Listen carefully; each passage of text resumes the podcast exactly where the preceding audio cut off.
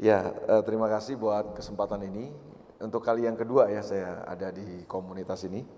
Eh, tentu eh, satu kehormatan untuk bisa berdiri di hadapan orang-orang hebat seperti saudara. Ya, saya diminta untuk bicara tentang worship, tentang penyembahan hari ini. Kayaknya mau ngomong apa gitu ya harusnya tentang worship. Tapi nggak apa-apa, coba kita sharing, kita bahas ini aja. Uh, saya mau mulai dari sini. Ada tiga hal penting yang Tuhan pernah taruh dalam hidup manusia waktu Tuhan menciptakan manusia.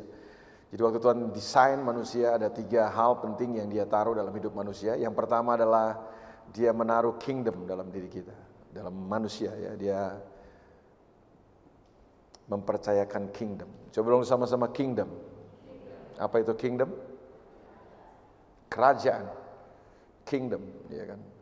Uh, tentu saudara sama-sama tahu ayatnya ya. Baiklah kita menjadikan manusia menurut gambar dan rupa kita supaya mereka berkuasa, mereka memerintah dari sejak awal itu merupakan salah satu purpose Tuhan buat manusia supaya melalui manusia kerajaannya bisa hadir di muka bumi ini. Amin. Saudara percaya di sorga itu damai, sentosa? Yakin ya? Walaupun kita belum pernah ke sana, kita percaya bahwa sorga itu penuh dengan kedamaian, penuh sukacita. Amin. Ya. Kalau nggak percaya tanyalah sama yang suka ke sana, pasti betul. Ya. ya. Betul ya? Saya juga belum pernah ke sana sih, tapi saya percaya bahwa Ya tapi kalau saudara ragu tanya lah sama, kan ada yang suka suka suka suka ke sana, tanya aja pasti benar ya. Bahwa di sorga itu penuh kedamaian, sentosa, sukacita. Pertanyaannya kenapa di sorga itu damai? Jawaban yang agak bodoh adalah karena di sana sorga itu agak bodoh, ya kan? Tapi jawaban yang saya inginkan adalah jawaban yang agak cerdas lah gitu.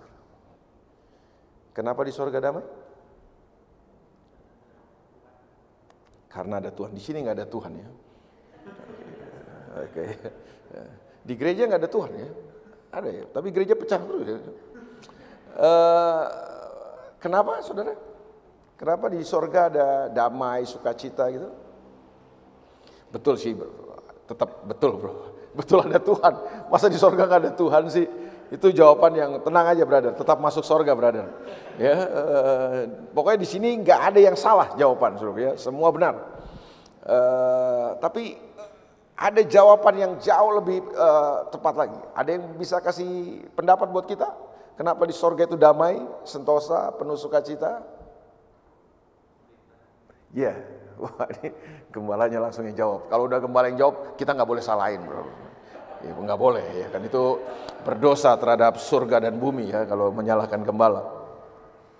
Iya, karena di sorga ada sebuah pemerintahan. Pemerintahannya itu yang sering disebut dengan kerajaan. Makanya eh, sering kali kan orang Kristen hari ini susah membedakan antara sorga dan kerajaan sorga. Padahal itu dua hal yang berbeda sebenarnya. Sorga bicara tempatnya, tapi kerajaan sorga bukan bicara tempatnya, dia bicara tentang sistem pemerintahannya. Jadi kenapa sorga itu damai, sentosa dan penuh sukacita? Karena di sana ada sebuah sistem pemerintahan yang berlaku, yang memerintah, yang berkuasa, namanya the kingdom of God. Pemerintahan kerajaan Allah, kalau kerajaan sorga. Injil Matius yang banyak menggunakan istilah kerajaan sorga. Karena Injil Matius dalam sejarah penulisannya itu ditulis untuk orang-orang kalangan Yahudi.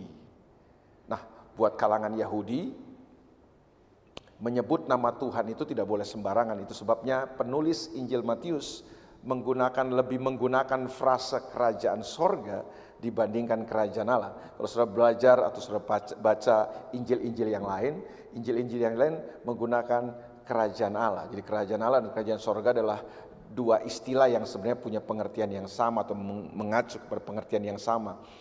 Itu bicara tentang sistem pemerintahan. Jadi kerajaan sorga adalah kenapa di sorga damai? Jawabannya adalah karena di sana ada sebuah pemerintahan yang berkuasa, daulat. Kalau kerajaan sorga kan lebih kepada uh, menunjuk kepada bahwa pemerintahan ini ada di sorga gitu. Jadi namanya kerajaan sorga. Nah, kerajaan Allah lebih kepada gini, pemerintahan ini yang berkuasa adalah Allah gitu ya kan. Jadi bingung gak sih sudah? Enggak ya? ya? Jadi apa bedanya sorga dan kerajaan sorga?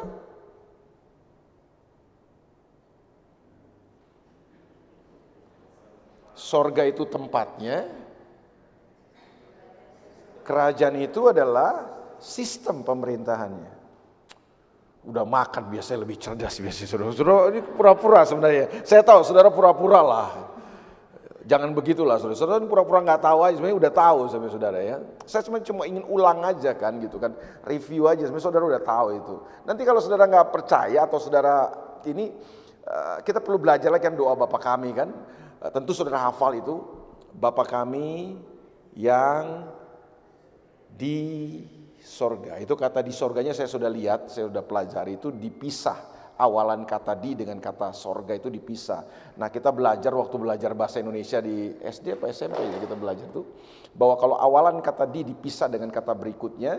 Bahwa kata berikutnya itu menunjukkan tempat. Saudara nggak boleh menulis di Jakarta itu disambung, nggak boleh. Itu salah kalau dalam pelajaran bahasa Indonesia. Saya waktu itu sembilan, soalnya bahasa Indonesia sembilan. Jadi masih ingat lah ya, bahwa kalau tulis Jakarta di Jakarta, saudara nggak boleh disambung. Mestinya di Jakarta dipisah. Kenapa? Karena Jakarta itu menunjukkan tempat. Kalau awalan kata di disambung dengan kata berikutnya berarti kata kata itu adalah kata kerja pasif. Kok jadi pelajaran bahasa Indonesia ya gitu ya?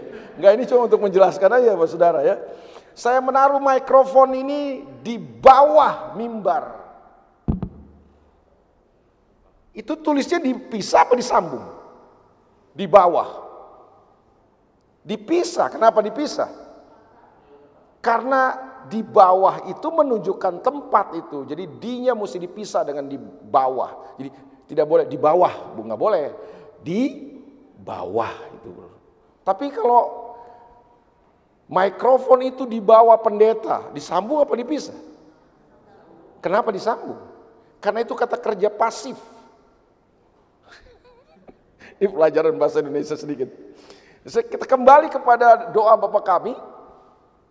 Bapak kami yang ada di surga. Itu kata dipisah itu. Kalau nggak percaya baca aja sendiri. Di sorga. Berarti sorga itu tempat. Lalu ayat berikutnya bilang apa? Ayat yang ke-10. Matius 6 ayat 10 bilang apa? Datanglah kerajaanmu. Jadi ada sorga, ada kerajaan. Itu dua hal yang berbeda. Ah, ini kan Pak Eras itu sudah ajar ini masa belum ajar sih saudara. Sudah dengar pasti dari Pak Eras. Kingdom. Jadi waktu Tuhan menciptakan manusia, apa sih yang Tuhan ingin inginkan sebenarnya kan dia ingin ekspansi, dia ingin pindahkan apa yang ada di sorga itu ke bumi ini. Nah bagaimana caranya supaya apa yang ada di sorga itu bisa terjadi di bumi? Dia mesti pindahkan sistem pemerintahannya di bumi ini. Nah manusia merupakan representatif Tuhan untuk membawa kerajaan Tuhan di muka bumi ini. Sebabnya Tuhan berkata, baiklah kita menjadikan manusia menurut gambar dan rupa kita, supaya manusia memerintah, manusia berkuasa, itu kata radah yang dipakai. Manusia memerintah, berkuasa atas bumi ini. Dari sejak awal Tuhan mempercayakan kingdom kepada manusia. Dan makanya waktu manusia jatuh dalam dosa, Sebenarnya yang hilang dari manusia kan bukan sorga. Manusia tidak pernah kehilangan sorga. Kenapa manusia tidak kehilangan sorga? Karena dari awal Tuhan tidak pernah percayakan sorga kepada manusia. Gimana mungkin kita akan kehilangan sesuatu yang tidak pernah dipercayakan kepada kita? Yang sebenarnya terjadi adalah manusia kehilangan kerajaan. Karena kerajaan itulah yang dipercayakan Tuhan kepada manusia. Itu sebabnya manusia tidak bisa memerintah, tidak bisa berkuasa atas bumi ini. Manusia kehilangan kerajaan. Itu sebabnya Yesus datang ke dalam dunia ini, salah satu yang dia bawa waktu dia dalam dunia, datang ke dalam dunia adalah dia membawa kerajaannya kembali kepada manusia. So, kemudian manusia hidup di dalam kerajaannya. Itu yang Yesus bilang gini, bertobatlah sebab kerajaan sorga sudah dekat. Bukan sorga, kerajaan sorga sudah dekat. nanti saudara baca kitab Wahyu, saudara akan mengerti bahwa kita tidak akan selama-lamanya di sorga. Kita akan selama-lamanya di mana? Di langit yang baru, bumi yang baru. Ngapain kita selama-lamanya? Kita akan memerintah.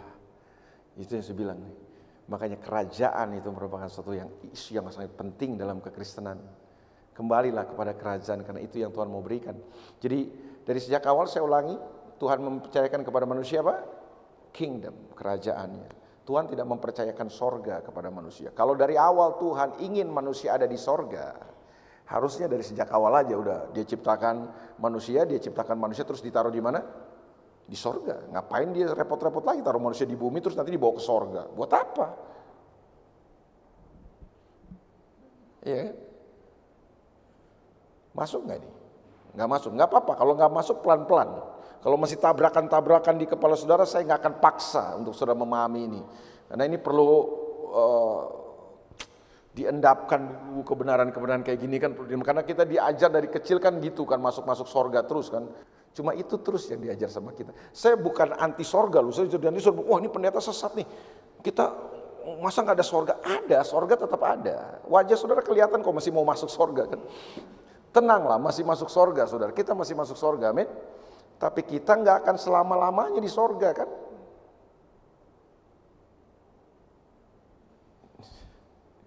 Aduh, susah nih. Nanti saudara baca deh kitab Wahyu pasal 21 dan Wahyu pasal 22, itu semua ada di Alkitab sebenarnya. Saudara kan memandang saya jadi kayak saya merasa disalibkan oleh pandangan saudara. Ya kan? Aduh, berat. Agak berat ya? Nangkap-nangkap yang kayak gini berat? Eh? Enggak lah ya. Nanti kita baca Wahyu pasal Yerusalem baru turun dari surga. Coba lu sama-sama turun dari surga. Ah, belum semua sudah turun dari surga. Berarti tadinya di mana Yerusalem baru itu? Di surga. Turun ke mana? Bumi baru, langit baru kan? Kan kita di situ kan? Emang kita di mana? Ya kan kita di situ selama-lamanya kan? Nah Yerusalem baru itu yang turun dari sorga. Kalau Yerusalem baru itu turun dari sorga ke langit bumi yang baru, jadi sorganya yang mana sebenarnya? Ya langit baru bumi baru ini kan. Itu sebabnya itu di mana aku berada di situ kamu berada kita akan memerintah bersama dengan Tuhan selama lamanya. Nah ini yang saya mau kasih tahu kepada saudara itulah yang ditaruh Tuhan dari sejak awal dalam hidup manusia bahwa Tuhan mau supaya melalui manusia ciptaannya ini kerajaannya bisa hadir di muka bumi ini. Kalau kerajaan Tuhan hadir di muka bumi ini, maka yang terjadi adalah apa yang ada di sorga bisa terjadi di bumi. Kan itu tujuan Tuhan. Itu yang saya bilang sayang kan manusia kemudian jatuh dalam dosa, kerajaan ini hilang dari hidup manusia. Nah, itu yang coba dikembalikan oleh Yesus waktu dia datang ke dalam dunia ini. Nah, hal yang kedua yang Tuhan berikan kepada manusia waktu dia ciptakan manusia. Ntar kapan-kapan kita ngomong lah soal kingdom inilah saudara. Ini basic sebagai pengajaran dasar. Lalu kalau saudara punya cara berpikir kingdom, hidup saudara akan berbeda pasti.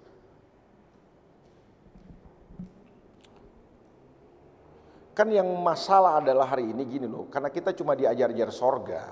Makanya kemudian kita punya pemahaman begitu dangkal tentang kekristenan. Kita cuma berpikir Kristen itu apa? Percaya Yesus, hari Minggu masuk gereja, mati masuk sorga. Kita cuma diajar-ajar begitu aja. Saya percaya sorga itu ada. Saya percaya kalau kita mati hari ini kita bersama dengan Tuhan di sorga. Apa namanya? Firdaus lah itu namanya orang bilang. Firdaus itu apanya sorga pak? Ya saya nggak tahu, saya belum pernah ke sana. Ya kan itu. Cuma Alkitab bilang itu Firdaus lah bersama dengan Tuhan. Tapi kan kita tidak selama-lamanya di sana kan gitu loh. Itu kan cuma transit aja kita kan. Itu cuma ruang tunggu aja Sebelum nanti kita akan bersama-sama Yesus memerintah selama-lamanya dalam langit baru, bumi yang baru. Nah, hal yang kedua yang Tuhan mau percayakan kepada manusia adalah Tuhan mempercayakan worship kepada manusia. Coba dong sama-sama worship. Jadi yang pertama Tuhan taruh kingdom dalam diri manusia. Yang kedua adalah Tuhan menaruh worship dalam hidup manusia. Dan yang ketiga, saya cepat aja, nanti saya bahas tentang worship tentunya, kita akan uh, menukik kepada poin itu. Yang ketiga, Tuhan menaruh free will dalam hidup manusia. Coba bilang sama-sama free will. Nah, apa itu free will? Walaupun ini bisa menjadi, masih menjadi perdebatan-perdebatan di kalangan para teologi, tapi buat saya saya tetap meyakini, terserah, saudara mungkin bisa berbeda, tapi saya tetap meyakini bahwa free will itu ada. Teman saya, eh, orang-orang teologi bilang sebenarnya tidak ada free will, terserahlah saya bilang. Kita nggak mau berdebat di situ, tapi buat saya free will itu ada.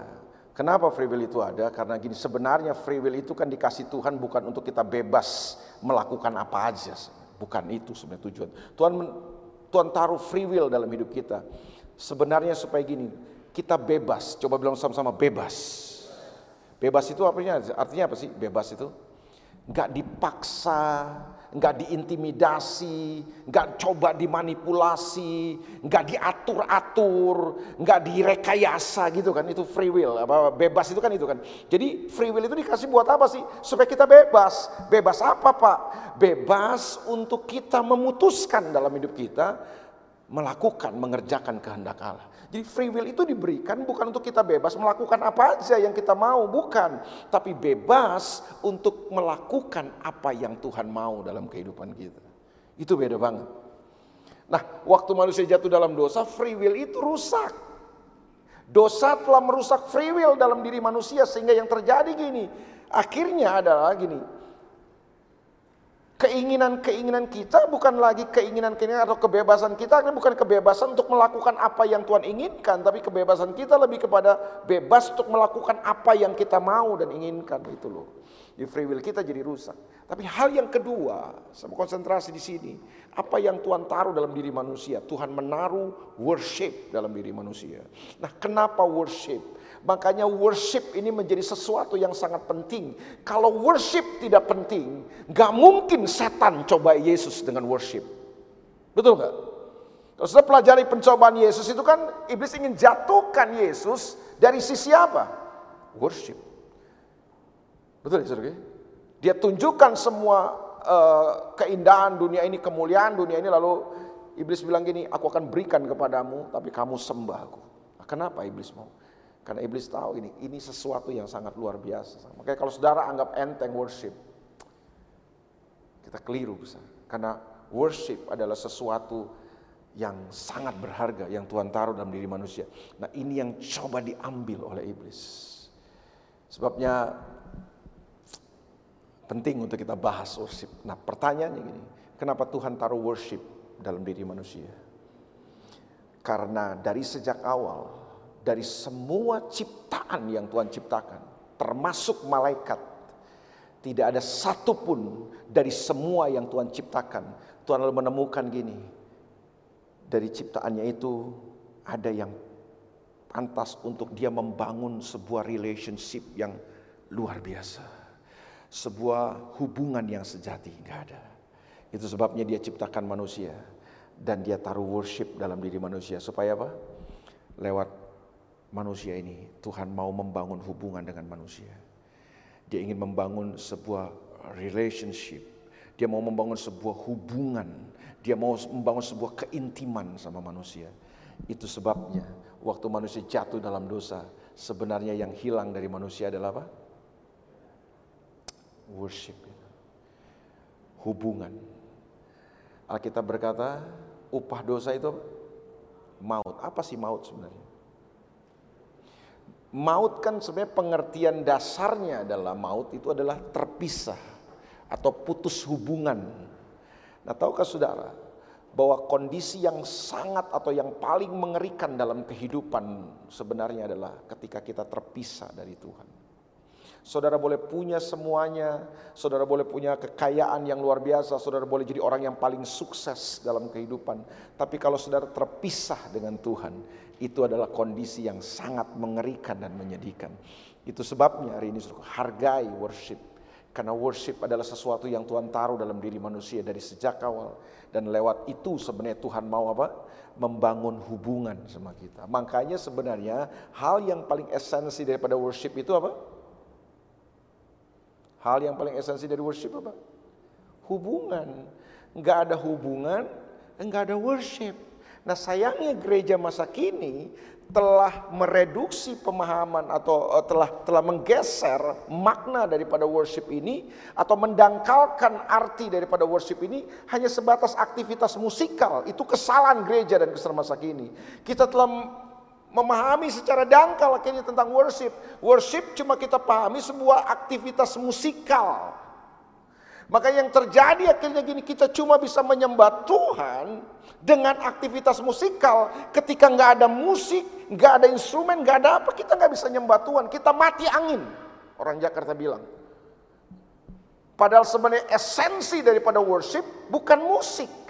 Esensi worship adalah hubungan, relationship. Makanya no relationship, no worship. Gak ada hubungan, gak ada persekutuan dengan Tuhan, gak ada penyembahan sebenarnya. Kalau saudara paksa, ini penyembahan pak, tanpa hubungan, itu cuma aktivitas agama sebenarnya.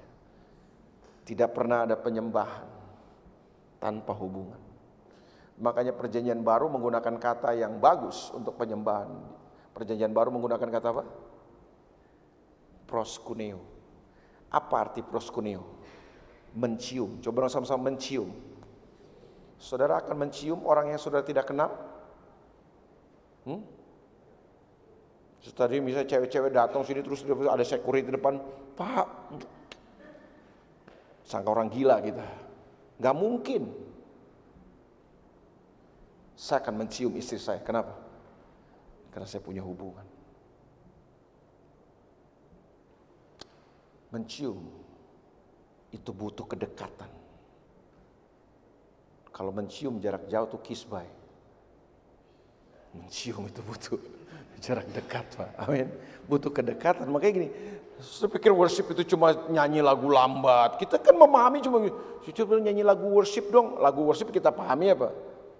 Lagu lambat. Padahal kan enggak kan. Siapa yang definisikan itu? Yang definisikan itu kita. Tapi sebenarnya kan hal yang paling esensi daripada worship adalah apa? hubungan. Saudara nggak punya hubungan, saudara nggak menyembah. Percayalah. Worship tidak identik dengan nyanyian, walaupun nyanyian bisa merupakan ekspresi penyembahan kita sama Tuhan. Tapi tolong dong, jangan dangkalkan worship hanya sebatas sebuah nyanyian. Makanya akhirnya orang Kristen cuma jago nyanyi di gereja. Jago nyanyi kalau soal nyanyi mau nggak usah diajar orang Kristen. Jago banget kita. Makanya coba saudara lihat juara-juara idol itu biasanya kan. Orang Kristen itu.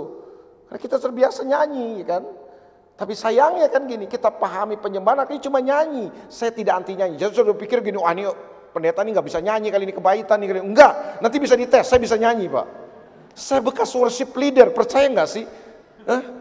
Percaya nggak saudara? Saya bekas solusi, saya bisa nyanyi, saya ngomongin bukan karena saya kepahitan, bukan. Karena saya nggak bisa nyanyi sirik, bukan.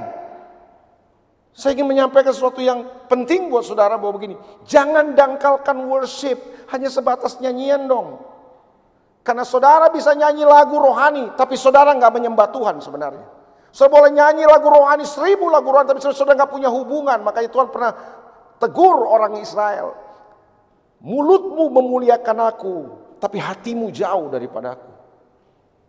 Betul nggak saudara? Eh, kalau soal nyanyi, saya punya pengalaman-pengalaman sangat mengherankan soal nyanyian ini. Ya? Iya. Saya dulu pernah jadi youth pastor. Saudara. Saudara percaya nggak saya pernah jadi youth pastor? Saya? Jadi pemimpin anak muda saya pernah. Tahun-tahun berapa gitu. Pokoknya lama sekali lah itu loh. Tahun-tahun 98, 99 gitu. Saya pemimpin anak muda. Dan waktu saya jadi pemimpin anak muda, itu terjadi sebuah revival di anak muda kami. Dan tiap hari itu saya udah kayak udah kayak dukun saya tiap hari. Sudah. Udah kayak dukun artinya apa? Tiap hari saya pelayanan pelepasan. Ada aja orang yang dilepaskan. Saya mesti doakan pelepasan dan sebagainya. Satu hari saya dipanggil malam-malam itu saya ingat sekali jam 8 malam. Jam 8 malam rumah saya diketuk. Saya buka, oh ternyata salah satu pengurus anak muda kita. Terus dia bilang, kak, kak, dia, mereka panggil saya kak waktu itu. Sekarang juga mereka tetap panggil saya kak. Ya, kak, tolong kak, tolong, ada apa saya bilang. Ada ini anak komsel saya kak, uh, kerasukan setan kak. Oke oke, saya ingat sekali waktu itu saya naik sepeda sama mereka. Ya, karena mereka naik sepeda, ya udah kita naik sepeda sama-sama. Nah saudara waktu saya sampai di rumahnya, benar suruhku itu uh, di rumah anak itu suruhku udah rame, orang udah rame. Itu rumah-rumah kecil, rumah-rumah kontrakan begitu kecil, udah rame sekali. Tetangga semua udah kumpul semua, jendela udah dibuka, pintu dibuka suruhku. Karena orang udah penuh kan sesak. Waktu saya masuk ke situ suruhku, saya masuk ke kamarnya, saya lihat anak itu, anak remaja kita memang, itu sedang berdiri di atas tempat tidur. Berdiri dengan gitar di tangan. Uh, dahsyat. Waktu saya masuk ke situ dan saya tatap mata anak itu, dia ngomong begini sama saya. What do you want? Wah, saya bilang ini setan Inggris nih, saya bilang. Kan? di Tanjung Priuk bisa ngomong bahasa Inggris. Ini saya tahu anak itu nggak bisa bahasa Inggris, orang sekolah aja nggak tamat. Tapi waktu dia dia waktu saya tatap dia, dia tunjuk saya gini, what do you want? Sambil tetap pegang gitar di tangan kiri. Dia berdiri di atas tempat tidur. Saya tatap dia. Tiba-tiba apa yang dia mulai beraksi, sudah. Dia mainkan gitarnya. Masuk gerbangnya bersyukur. Nyanyi lagu rohani lu. Dengan penuh pujian. Saya biarin dulu. Saya lihat dulu apa aksinya. Habis nyanyi lagu itu seruku dia bilang, sungai sukacitamu. Waktu itu lagi top-topnya lagu sungai sukacita. Mengalir dan itu itu semua rontok semua pemahaman saya. Hari itu saya ngeliat, saya ngalami dalam hidup saya. Saudaraku bahwa eh ternyata setan juga bisa nyanyi lagu rohani loh. Setan bisa nyanyi lagu rohani bos. Nggak salah, kita mesti pakai ini. Dia nggak ada ini. Hafal.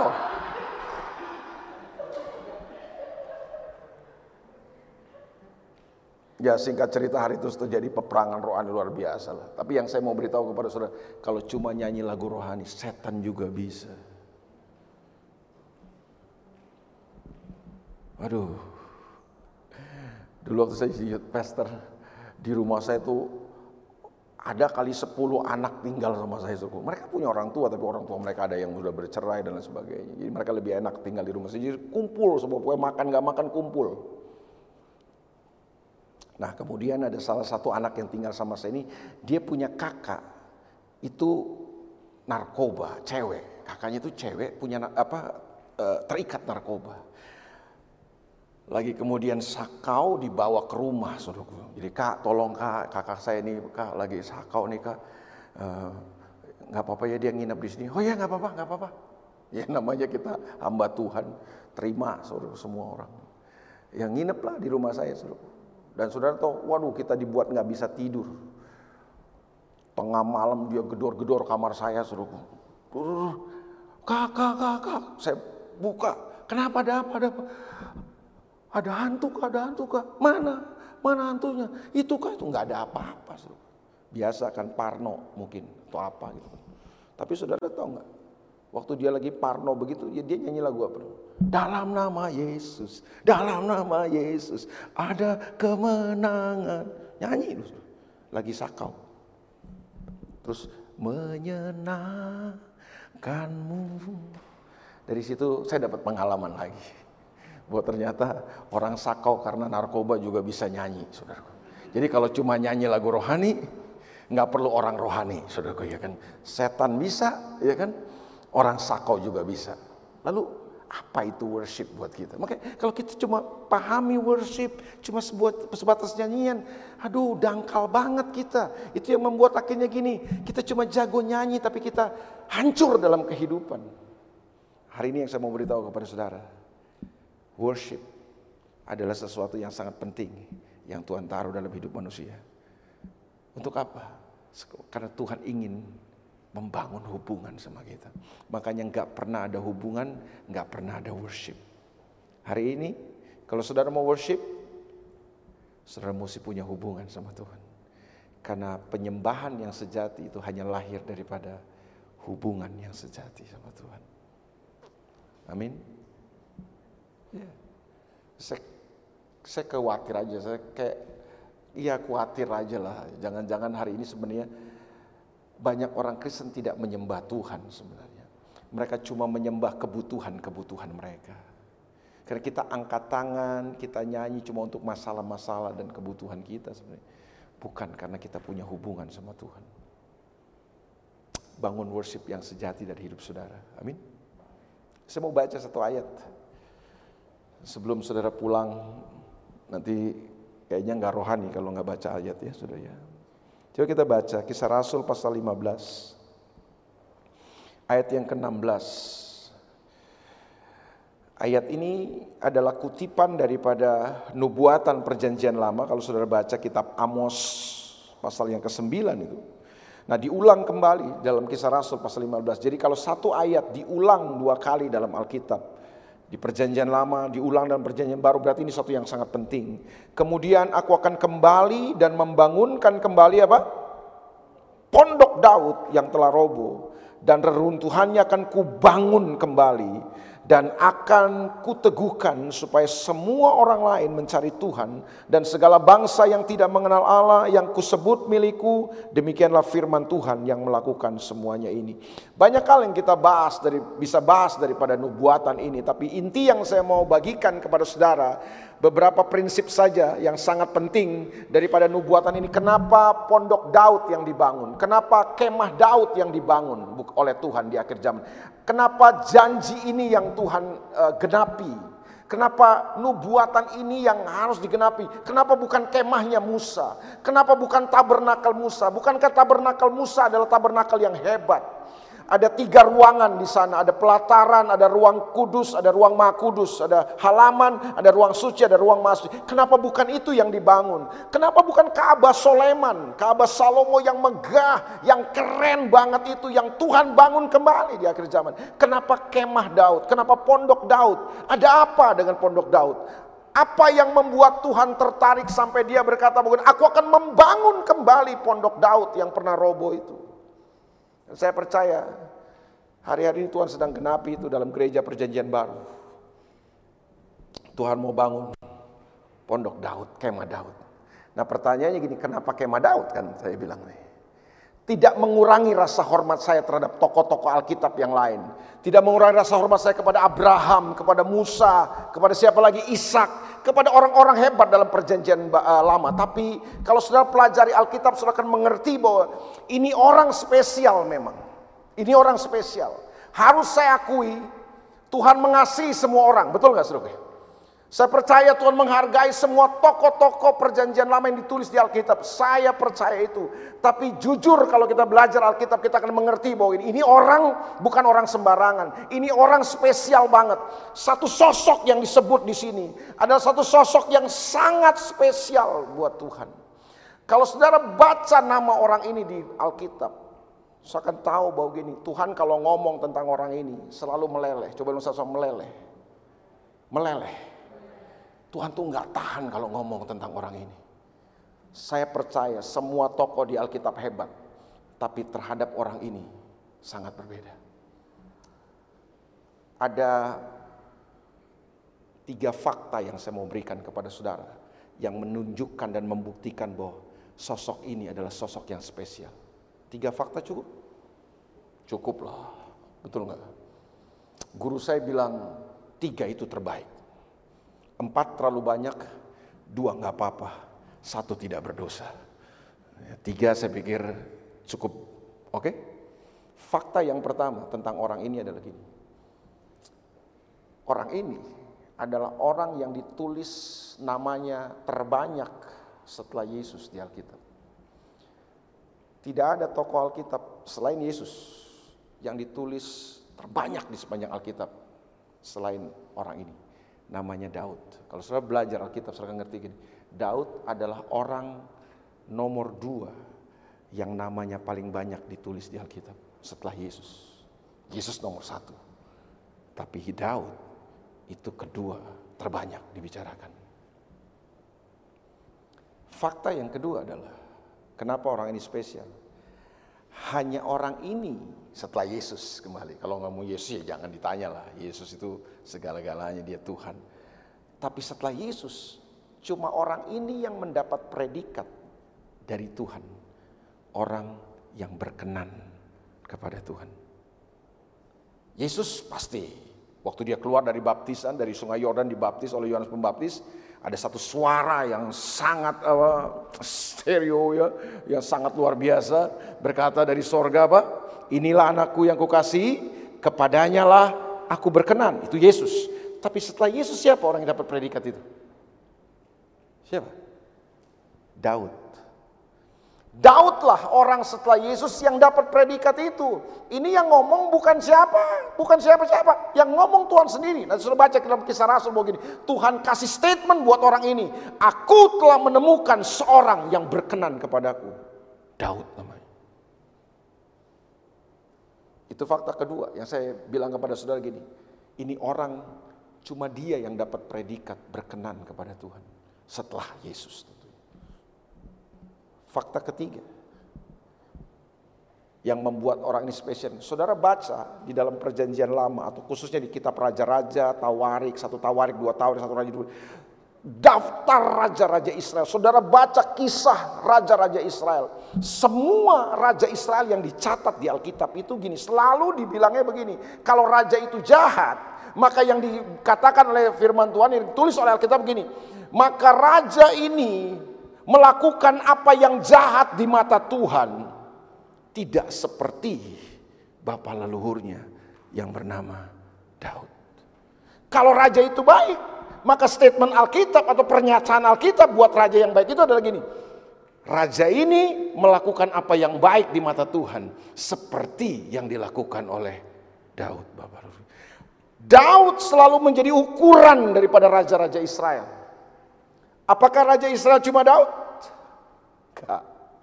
Tapi kenapa Daud selalu menjadi ukurannya? Spesial Daud ini. Boleh tambah satu lagi? Enggak kebanyakan kan? Fakta keempat yang saya mau tunjukkan bahwa orang ini spesial gini. Yesus tidak pernah keberatan disebut anak Daud. Apakah leluhurnya Yesus cuma Daud? Banyak. Nanti sudah baca di Matius pasal 1 sisa Yesus banyak sekali Bapak Lunia. Tapi selalu gini orang Islam menyebut Yesus anak Daud, kasihanil. Yesus dipanggil dengan anak Daud dan Yesus tidak pernah keberatan. Siapa orang ini? Siapa Daud? Kok sampai Yesus nggak keberatan dia dipanggil Yesus anak Daud, Kristus anak Daud, nggak keberatan dia. Siapa Daud? Dia bukan manusia sempurna loh, betul nggak saudara? Daud ini bukan manusia tanpa cacat. Kok Yesus mau? Kok Tuhan bilang ini? Ini orang yang berkenan kepadaku. Kok jadi ukuran, jadi standar raja-raja Israel sih? Apakah orang ini tanpa cacat? Apakah orang ini sempurna? Enggak. Tapi lihat setiap jejak kehidupan orang ini selalu diwarnai dengan apa? Worship. Saudara pelajari hidup Daud, sepanjang hidup Daud, kita akan menemukan jejak seorang penyembah di sana. Makanya kalau kita perlu julukan buat Daud, maka julukan yang paling pantas buat Daud adalah man of worship. Dia adalah manusia penyembah. Sepanjang jejak hidup Daud itu selalu dipenuhi dengan penyembahan. Bahkan ketika dia jatuh sekalipun. Waduh, kalau kita jatuh, yang kita ingat apa sih? Kalau kita jatuh nih, terintimidasi ya kan gitu kan, tertuduh, malah tambah jatuh. Daud enggak bos, begitu dia jatuh, hatinya tetap sama Tuhan, dia worship. Itu yang membuat Daud diangkat Tuhan. Saya mau nanya, dosanya Daud sama dosanya Saul mana lebih fatal sebenarnya? Saul raja pertama kan, Daud raja kedua yang menggantikan Saul. Sama-sama punya kesalahan. Kesalahannya lebih fatal mana? Kalau buat kita lebih fatal Daud betul kan? Tapi kenapa Tuhan angkat Daud, Tuhan pulihkan Daud, Tuhan nggak tolak Daud, Tuhan nggak usir Daud dari kerajaan itu. Kenapa? Kenapa Tuhan nggak buang Daud? Itu yang saya bilang. Di saat kejatuhannya sekalipun, hati Daud itu tetap worship. Saya nggak ngajarin saudara kalau berdosa sambil worship, enggak, nggak ngajarin begitu ya. Tapi ini yang saya mau beritahu, ini orang ini aduh sepanjang hidupnya penuh dengan worship. Makanya ngomong worship, ngomong penyembahan tanpa bicara Daud kayaknya kurang afdol. Iya kan? Kalau ngomong iman pasti kita akan ngomong soal Abraham, bapak orang. Tapi kalau ngomong soal worship, soal penyembahan, udah nggak ada lah sosok yang bisa menjadi model buat kita. Daud itu seorang worshiper yang luar biasa. Dia punya hati, hati yang menyembah Tuhan. Nah ini yang kita perlu pelajari dari kehidupan Daud supaya kemudian gini, apa yang Daud bangun dalam kehidupan itu juga menjadi apa yang kita bangun. Dan Tuhan bilang gini, aku akan membangun kembali pondok Daud. Tuhan gak tertarik bangun pondok yang apa tabernakel Musa. Tuhan gak tertarik bangun kembali Ka'bah Salomo. Yang Tuhan katakan adalah aku akan membangun apa? Pondok Daud. Ada apa di pondok Daud? Padahal itu cuma sebuah pondok, kemah yang sederhana. Tahu nggak saudara kenapa Tuhan mau bangun itu? Selain, selain ada lagi nih, di pondok Daud atau di kemah Daud itu yang ada bukan kerumitan, yang ada adalah simplicity, kesederhanaan, simple. Itu bicara gereja perjanjian baru kan sebenarnya. Gereja yang simple. Makanya gereja semakin rumit, semakin bukan polanya Tuhan. Apalagi kalau gereja di running seperti perusahaan. Waduh udah bukan polanya Tuhan udah pasti deh. Tapi gereja ini kan senang kan dikelola seperti perusahaan kan. Rumit banget saudara. Padahal gereja perjanjian baru adalah gereja yang tidak rumit. Sederhana seperti kemah Daud. Kalau sudah belajar kemah Daud, kemah Daud itu nabrak semua loh saudara. Nabrak semua. Pernah tahu nggak kisah waktu Usa?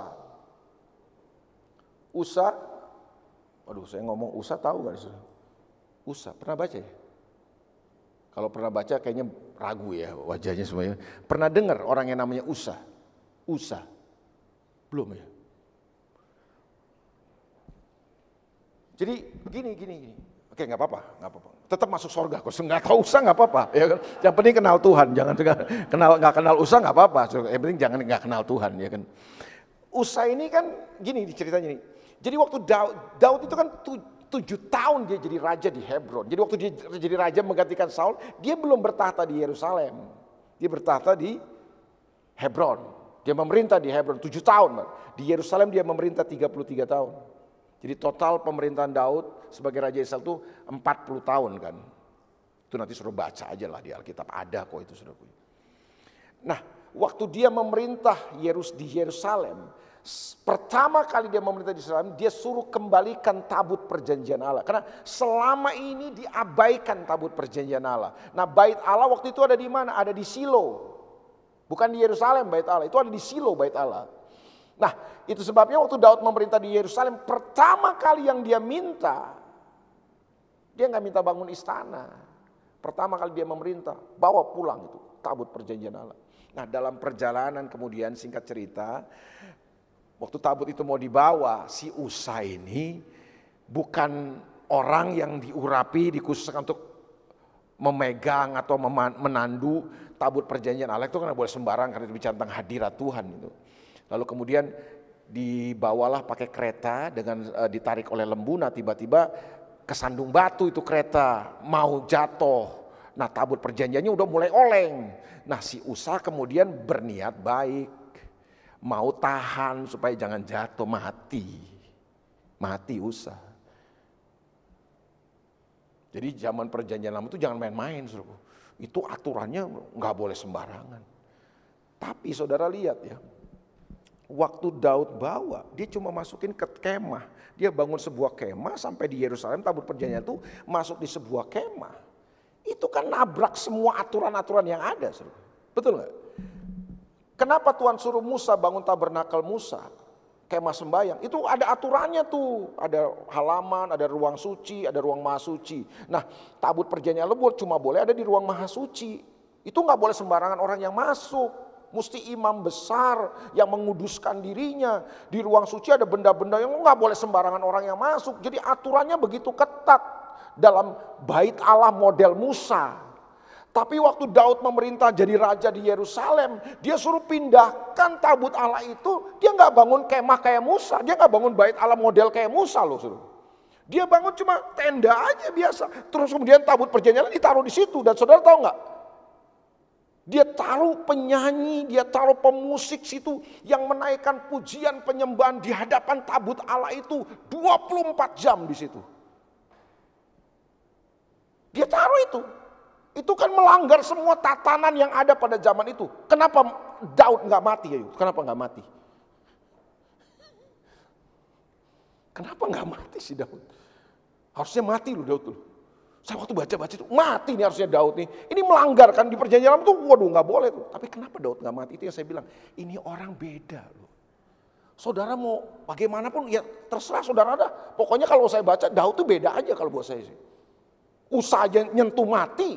Daud main sembarangan aja dia taruh perja, tahu perjanjian Allah, dia taruh penyanyi, dia nggak siapkan pasukan penjaga pasukan perang enggak lah. Dia taruh penyanyi pemusik di sana yang nyembah Tuhan, dia kasih sip-sipnya, gilirannya semua orang-orang yang skillful, wah terpilih, diurapi secara khusus. Mereka naikkan pujian 24 jam bangsa Israel. Mau bangun jam berapa aja, keluar rumah berarti jam berapa aja mereka selalu mendengar ada pujian penyembahan yang dinaikkan dalam kemah Daud itu. Penyembahan 24 jam itu. Itu yang Daud bangun. Dan setiap orang yang menyembah Tuhan itu langsung di depan tabut perjanjian Allah itu. Luar biasa. Kenapa Tuhan gak marah? Ayo, kenapa Tuhan gak marah? Karena Tuhan lihat hati. Hati yang tulus, hati yang sungguh-sungguh rindu menyembah Tuhan. Makanya itulah yang Tuhan mau bangun. Tuhan gak akan bangun tabur nakal Musa. Tuhan gak akan bangun Ka'bah Salomo yang sangat hebat dan terkenal megah itu. Tuhan mau bangun apa? Kok kayak Daud sih yang sederhana? Salah satunya, salah satunya karena di dalam kemah Daud ada penyembahan yang 24 jam. Artinya apa nih?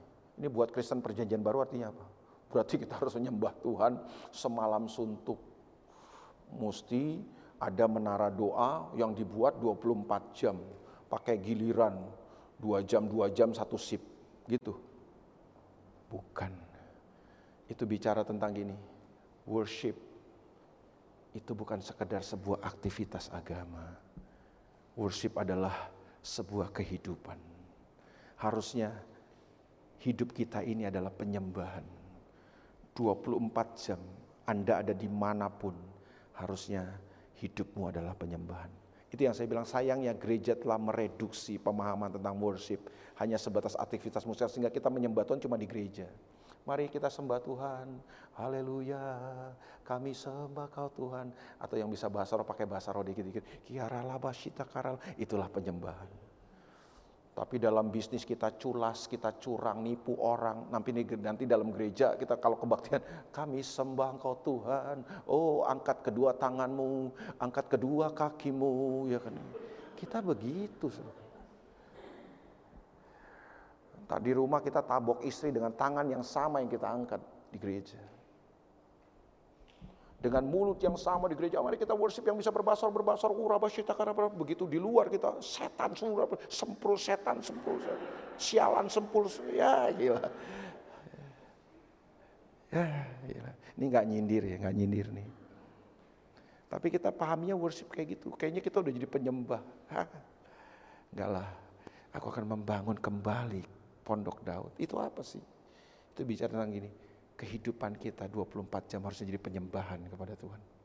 Amin. Siapa pun kau. Waktu kau jadi istri di rumah, waktu kau jadi ayah, waktu kau jadi suami, waktu kau jadi bisnismen, waktu kau jadi pemimpin, waktu kau jadi profesional di kantormu, di tempat pekerjaanmu, jadi apa aja, jadi hamba Tuhan, khotbah ini, ini worship nih, Anda bilang pikir saya ini sedang berkhotbah. Iya betul, tapi saya sedang berkhotbah. Khotbah yang saya sampaikan adalah worship saya kepada Tuhan. Makanya saya nggak akan main-main dan saya akan tidak tipu saudara. Saya nggak akan memanipulasi ayat-ayat firman Tuhan untuk kepentingan saya. Karena saya tahu saya sedang worship sama Tuhan. Harusnya apa pun yang kita kerjakan itu adalah sebuah worship kita sama Tuhan. Amin. Kita akan berhenti hanya menyembah dalam ruang-ruang kebaktian kita. Kita akan memutuskan untuk menyembah Tuhan dalam seluruh kehidupan kita. Itulah yang terjadi di Pondok Daud. Makanya beda, saudara, beda. Makanya Tuhan kalau bicara Daud ya, aduh beda banget. Kita mau bandingkan sama siapa sih? Sama Salomo? Oke. Salomo orang yang apa? Jenius, hebat, brilian.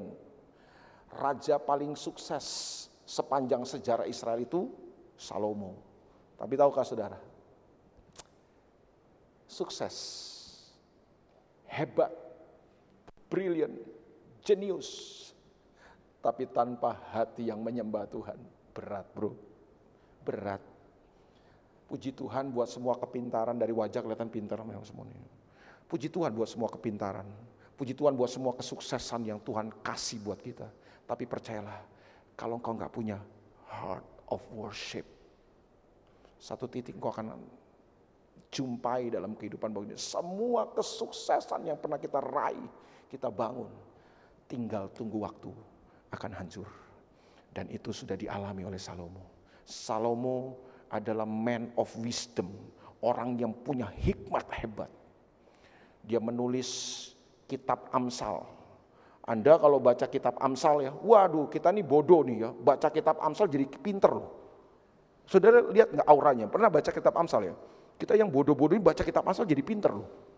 Karena ada spirit of wisdom di sana. Ada hikmat di sana. Makanya ada seorang hamba Tuhan yang bahkan berani mengatakan kalau ada anak kita yang bodoh, maksudnya bodoh di sekolah gitu loh ya kan, suruh baca kitab Amsal aja tiap hari. Lama-lama pinter anak kita. Karena di balik kitab Amsal ini ada wisdom, ada kepintaran, kecerdasan luar biasa. Siapa yang nulis? Memang raja paling pintar sedunia. Sorry ya bapak-bapak di sini. Waduh, kalau Salomo ya gabung sama Life House ini brother. Life House ya. Kalau gabung di sini join ya brother ya, menyatakan diri komitmen yang seperti brother tadi bilang, sorry dah kita tahu diri, kita minggir aja sama Salomo. Mungkin Salomo jadi wakil gembala bisa. Bahkan mungkin jadi gembala menggantikan brother juga bisa. Karena semua kualifikasinya memenuhi Pak. Ini orang brilian. Anda jangan main-main. Cerdas. Bahkan Alkitab bilang apa? Di zaman Salomo, itu Israel mencapai puncak kejayaan sampai ini negara makmurnya luar biasa. Kaya, kaya, saking kayanya saudaraku ya. Itu banyaknya emas sama banyaknya batu di Israel itu sama. Ini ibu-ibu pada pakai kalung emas, anting emas. Anda malu kalau jalanannya Salomo. Saudara. Karena batu sama emas banyaknya sama. Kita kesandung dengan batu di sini. Itu kalau kita jalan di Israel kesandungnya emas emas. Kita kesandung emas, banyaknya batu sama emas sama. Perak nggak laku di zaman Salomo. Ini pinter banget ini orang. Dia bangun istana, dia bangun bait Allah yang megah. Saking saudaraku ya, bagusnya, kerennya istana yang dibangun sama Salomo. Itu ratu dari negeri Seba ingin membuktikan kehebatan istana Salomo. Ini ratu loh, bukan gelandangan, bukan gembel yang datang. Ratu. Ratu dari negeri Syem. Ini kan ratu. Kalau ratu itu kan biasa tinggal di istana kan. Ini bukan orang susah, orang bukan orang kere saudaraku. Ini ratu. Kaya dong, pasti biasa tinggal di istana. Begitu masuk istananya Salomo, hampir pingsan.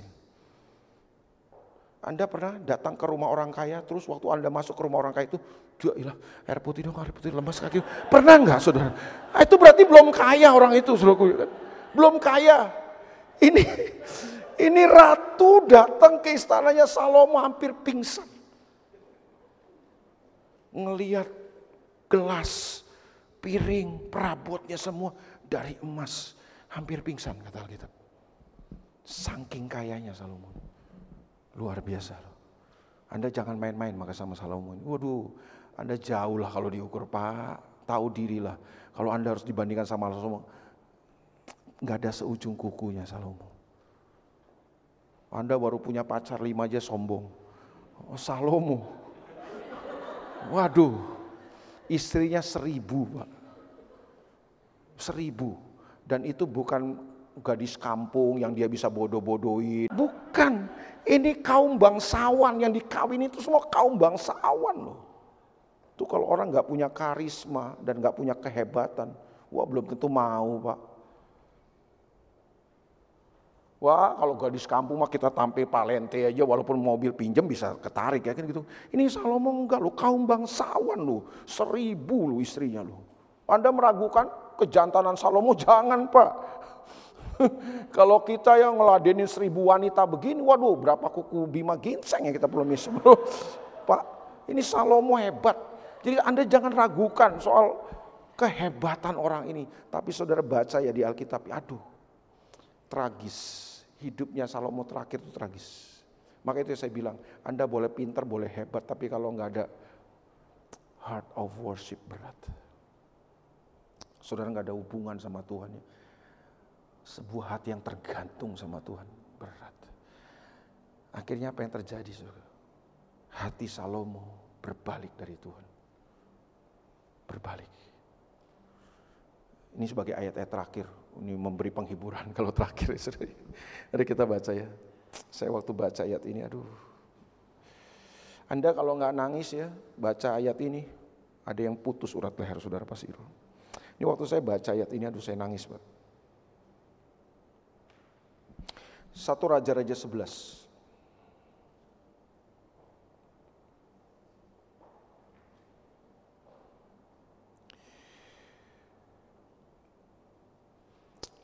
Ayat 6 Salomo berbalik tidak menyembah Tuhan lagi, hatinya kemudian menyembah kepada berhala-berhala daripada istri-istrinya itu, perempuan-perempuan yang menarik hatinya itu.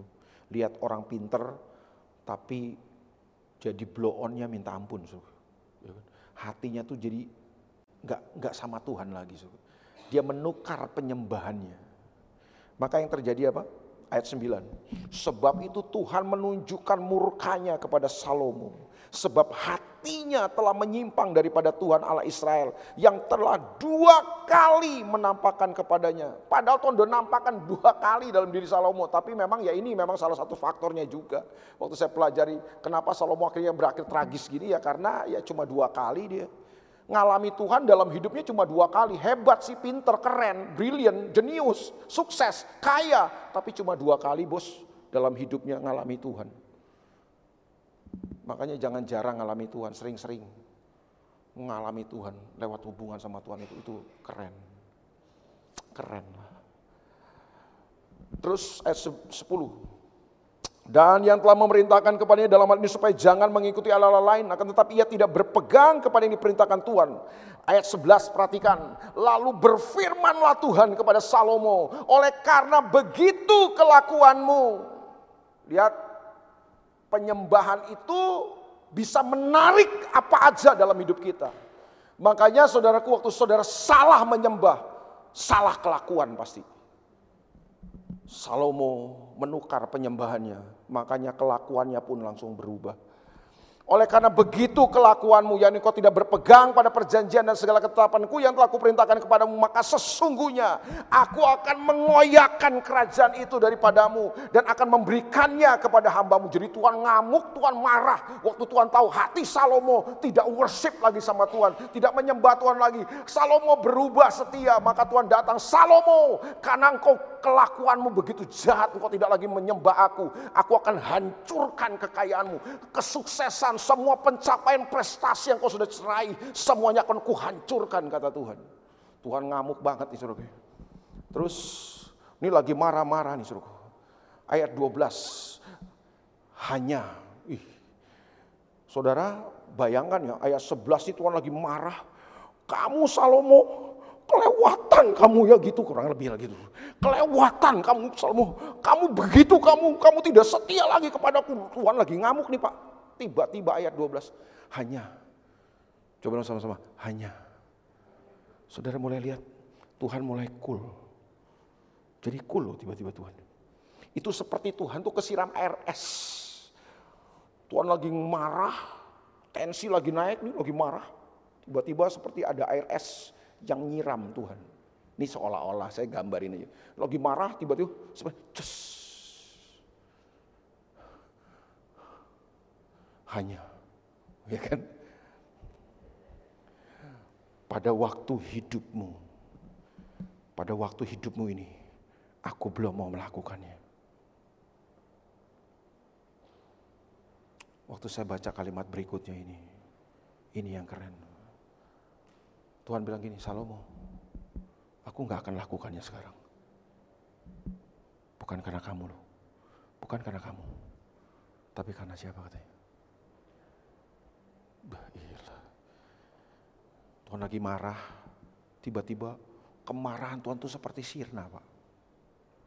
Apa sih yang membuat Tuhan lagi mengamuk, lagi marah, lagi jengkel, tiba-tiba langsung just cool down. Apa saudara? Kemudian di pikiran Tuhan ada Daud yang melintas. Weh, hati Tuhan langsung meleleh. Iya kan? Tuhan bilang Mas Salomo, aku nggak akan lakukannya selama kau hidup. Bukan karena kamu loh, tapi karena bapakmu itu. Waduh, itu kan udah bilang, saya bilang dari awal. Ini orang beda Pak.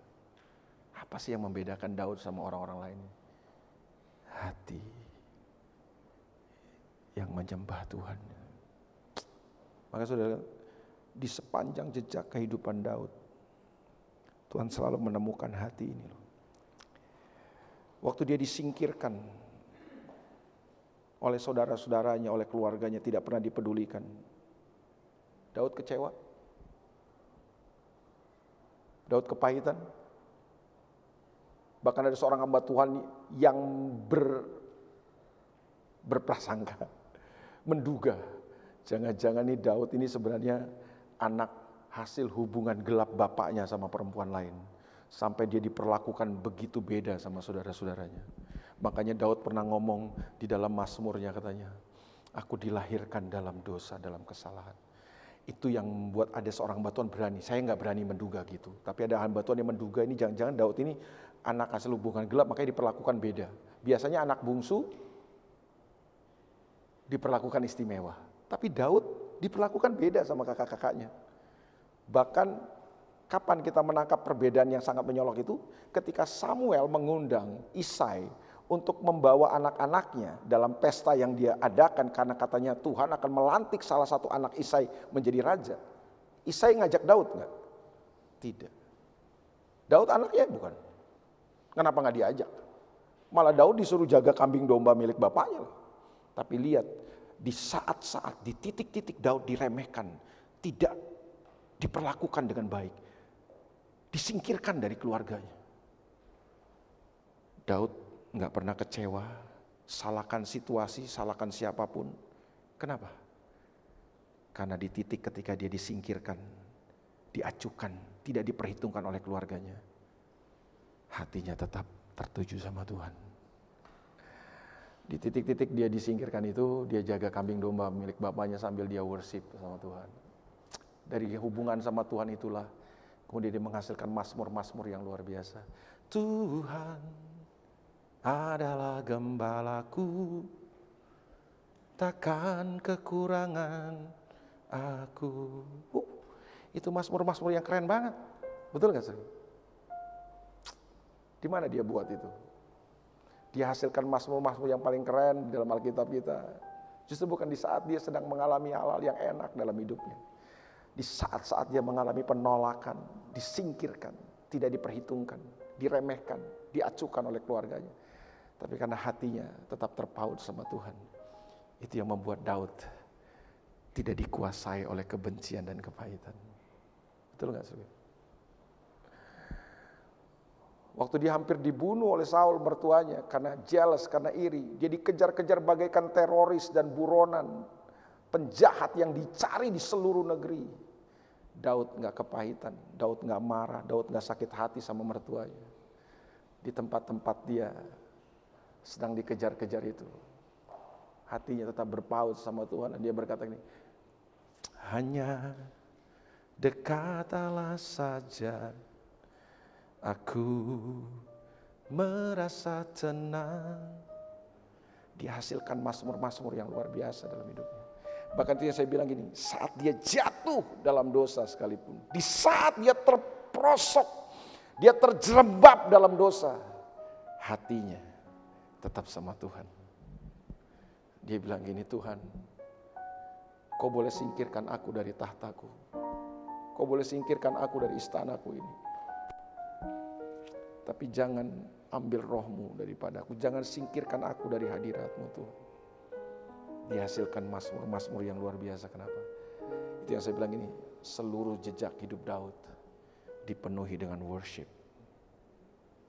Itu yang perlu kita bangun hari ini. Amin. Waktu hatimu terpaut sama Tuhan, waktu hidupmu intim sama Tuhan, kau tidak akan pernah membiarkan ada kekecewaan, ada kepahitan yang bisa menyakiti hidup saudara. Itu sebabnya bangun ini dalam kehidupan saudara. Amin. Dan tahukah saudara, untuk worship itu kembali ada pada kita, harganya sangat mahal. Yesus mati buat kita. Dia curahkan darahnya supaya saudara dan saya bisa worship lagi sama Tuhan. Selamat menyembah Tuhan dalam kehidupan saudara. God bless you. Tuhan berkati saudara. Brother. Thank you.